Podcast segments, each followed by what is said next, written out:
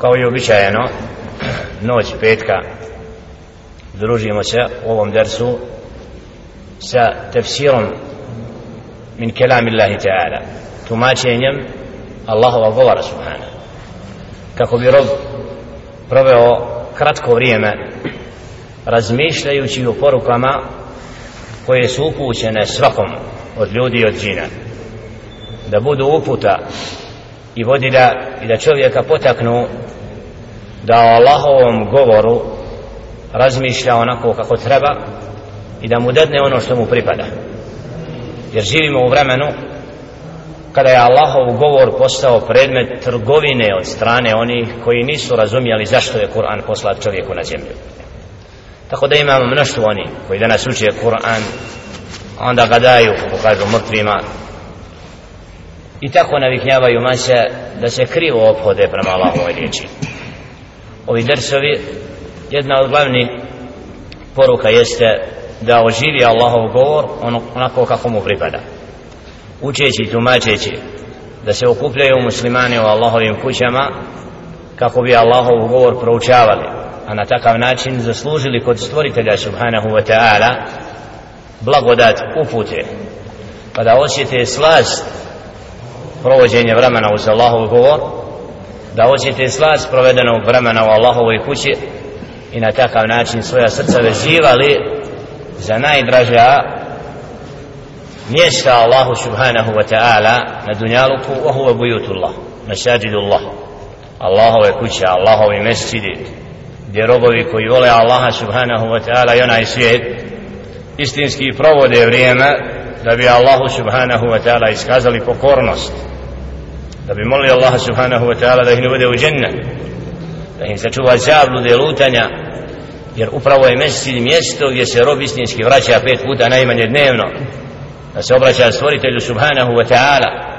u vremenima fitneta i iskušenja posebno više vremena provoditi u mjesečidu je praksa i sunnet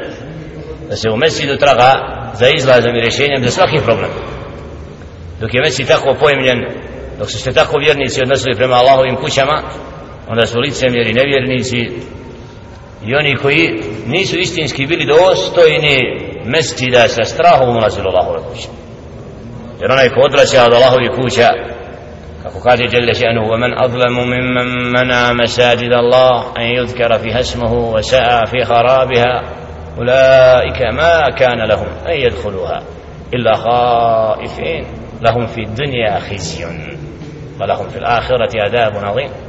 zar ima većeg nepravednika od onoga koji zabranjuje da se u Allahovoj kući Allah subhanahu wa ta'ala slavi. E, A yudkara fi hismu da Allahovo ime bude veličano i slavljeno. I radi na tome da te kuće postaju prazne i napuštene srušene objekata kuko niko ne dolazi u njega ne boravi nema svrhu. Mesčit ako ne dolazi u njega i ako nismo u njemu onaj ko odvraća da se dolazi u mesčit znači želi da mesčit uništi.